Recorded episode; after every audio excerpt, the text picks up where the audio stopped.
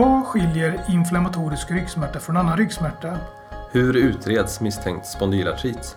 Och vad finns det för behandling? Välkommen till Reumapodden. Jag heter Jonas Mårtensson. Och jag heter Martin Joelsson. Vi är ST-läkare på reumatologkliniken på Sahlgrenska universitetssjukhuset och producerar den här podcasten tillsammans med Marit Stockfeldt, också ST-läkare.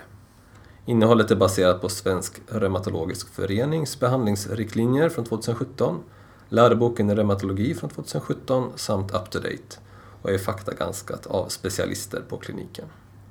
Dagens avsnitt handlar om axial spondylartrit, eller inflammatorisk ryggsjukdom som det också kallas. Vi fokuserar på symptom och utredning för att underlätta tidig diagnostik av detta tillstånd som genomsnitt går odiagnostiserat i 10-15 år. De inflammatoriska ryggsjukdomarna kan från en början vara svåra att överblicka eftersom terminologin har ändrats över tid, inte minst de senaste 15 åren. Tidigare har mycket fokus legat på diagnosen ankyliserande spondylit, som också har kallats Bechdrevs sjukdom. Men denna diagnos kräver typiska röntgenförändringar som ofta kommer sent i sjukdomen och därför pratar man idag ofta om axiala spondylartriter. Spond betyder kota och namnet syftar på att det finns inflammation i kotpelaren och i SC-lederna. För denna diagnos krävs inte skelettförändringar på röntgen vilket möjliggör tidigare diagnos och behandling. Förekomsten av axial spondylartrit i Sverige är cirka en halv procent av befolkningen. En del av dessa patienter uppfyller de strängare kriterierna för diagnosen ankyloserande spondylit och här har förekomsten skattats till 0,2 procent. Ankyliserande spondylit och spondylartrit är tätt kopplade till förekomsten av HLA-B27 som är en ytmarkör på celler. Cirka 90% av patienterna med ankyloserande spondylit är HLA-B27 positiva men av alla individer med HLA-B27 drabbas endast cirka 5% av sjukdomen. Det innebär att analys av HLA-B27 har hög sensitivitet men låg specificitet för sjukdomen. På senare tid har man sett att ärftliga förändringar i generna som kodar för receptorerna för cytokinerna IL-1, IL-12 och IL-23 också är av betydelse. Axial spondylartrit är alltså en kronisk inflammatorisk sjukdom som främst drabbar sakroiliakaleder och ryggrad. Inflammation i senor och senfästen är också vanlig. Perifera artriter drabbar cirka 25 procent av patienterna och då ofta enstaka stora eller medelstora leder i nedre extremiteter som till exempel knän och fotleder. Andra organ som kan drabbas är ögon i form av iriter, hjärta och tarm. Inflammation i ryggraden orsakar en karaktäristisk typ av ryggsmärta. Eftersom ryggsmärta är ett så vanligt symptom i befolkningen är det viktigt att särskilja inflammatorisk ryggsmärta från annan smärta. Hur gör vi det? Jo, det typiska för inflammatorisk ryggsmärta är tilltagande, långvarig, lågt sittande ryggsmärta som är värst på efternatten eller tidig morgon. Patienten vaknar med smärta och stelhet som sedan förbättras under dagen. Smärtan brukar förvärras av stillasittande och förbättras av rörelse. Symptomen ska debutera innan patienten fyllt 40 och cirka 80% av patienterna har sina första symptom innan 30 års ålder. Smärtan och stelheten förbättras i allmänhet av behandling med NSAID. Om en patient söker med inflammatorisk ryggsmärta tas en noggrann anamnes där det utöver ryggsymptom ingår att fråga om patienten tidigare drabbats av artriter, hälsenentesiter, eriter och tarm och hudsymptom. Även förekomst av dessa symptom bland de närmsta släktingarna bör efterfrågas. Ryggundersökning bör göras men har tidigt i sjukdomen mycket låg specificitet gentemot annan orsak till ryggsmärta. Om patienten har lång sjukhistoria talande för axial spa är det dock viktigt att mäta och följa ryggrörlighet och thoraxexpansion. I status ingår även ledundersökning och undersökning av muskelfästen. Hud och naglar bör undersökas för tecken till psoriasis. Kontroll av inflammationsprover, det vill säga CRP och sänka, kan ge vägledning men normala prover utesluter inte sjukdomen. HLA-B27 kontrolleras inte regelmässigt men kan övervägas i utvalda fall. Det är viktigt att poängtera att axial spondylartrit är en klinisk diagnos som ställs på basen av anamnes, status, blodprov och radiologisk undersökning. MR är att föredra tidigt i sjukdomsförloppet och kan påvisa förändringar som inte ses på CT eller slätröntgen. I forskningssammanhang används klassifikationskriterier från organisationen ASAS som dock inte är avsedda att användas för att ställa diagnos i den kliniska vardagen. För att uppfylla dessa kriterier krävs kronisk ryggsmärta över tre månader som debuterar innan 45 års ålder samt tecken till sakrolit på antingen konventionell röntgen eller MR. Dessutom krävs att patienten har ytterligare ett typiskt tecken till spondylartrit. Dessa tecken är Inflammatorisk ryggsmärta, perifer artrit, inflammation i hälsenans fäste, uveit, det vill säga ögoninflammation, daktylit, det vill säga diffust svullet finger eller tå, psoriasis, inflammatorisk tarmsjukdom, god effekt av behandling med NSAID, hereditet för spondylartrit, psoriasis eller inflammatorisk ryggsjukdom HLA-B27, och CRP-stegring utan annan förklaring.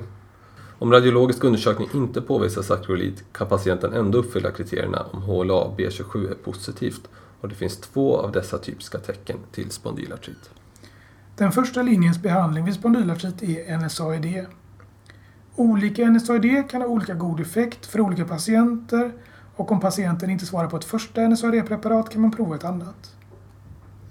Ofta används långtidsberedningar för bättre smärtlindring på efternatten.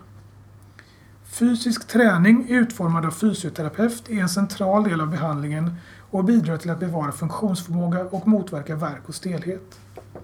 Om patienten röker uppmuntras till rökstopp eftersom rökning försämrar prognosen. Patienter som mår bra på behandling med NSAID och fysisk aktivitet behöver vanligtvis inte skötas av reumatolog. Men om en patient med en väldefinierad sjukdom som har testat minst två olika NSAID och ändå har hög sjukdomsaktivitet kan behandling med biologiska läkemedel i form av TNF-hämmare övervägas. Konventionella DMARDs som metotrexat och salazoperin har ingen god effekt på ryggsmärta men kan däremot fungera för perifera ledbesvär. Så, om en patient söker för ryggsmärta är det viktigt att identifiera om det kan röra sig om en inflammatorisk ryggsmärta. Inflammatorisk ryggsmärta debuterar innan 40 års ålder.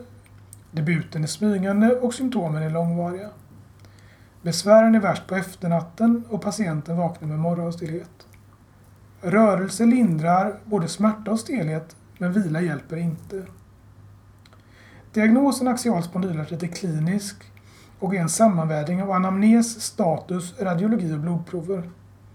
Behandling med NSAID i kombination med träning får ofta patienten att må mycket bättre och patienten kan då skötas i primärvården. Patienter med hög sjukdomsaktivitet och behov av biologisk behandling följs av reumatolog.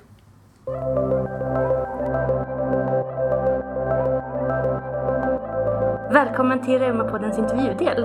Eh, Jag heter Maja Stockfeldt och idag intervjuar jag Lennart Jakobsson som är överläkare här på reumatologen och professor med forskning om bland annat epidemiologin vid spondylartriter. Välkommen! Tack ska du ha. Inom begreppet spondylartriter ingår ju flera sjukdomstillstånd som psoriasisartrit och artrit vid inflammatorisk tarmsjukdom.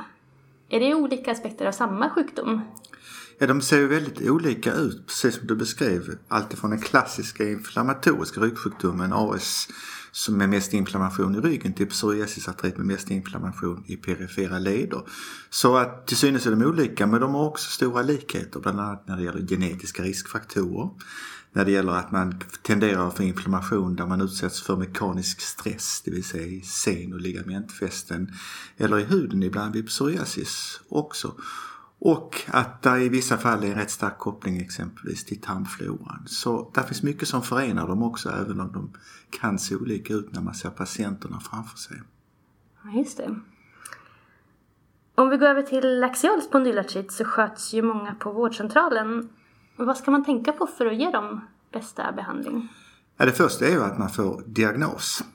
Rätt diagnos. Och när vi pratar om ryggsmärtor så har ju nästan alla ryggsmärtor någon gång i sitt liv och ur dessa sortera fram med inflammatorisk sjukdom är det svåra. Och eh, det är ju också grunden sen för att man ska kunna trappa upp behandlingen så att man blir i det närmaste symptomfri.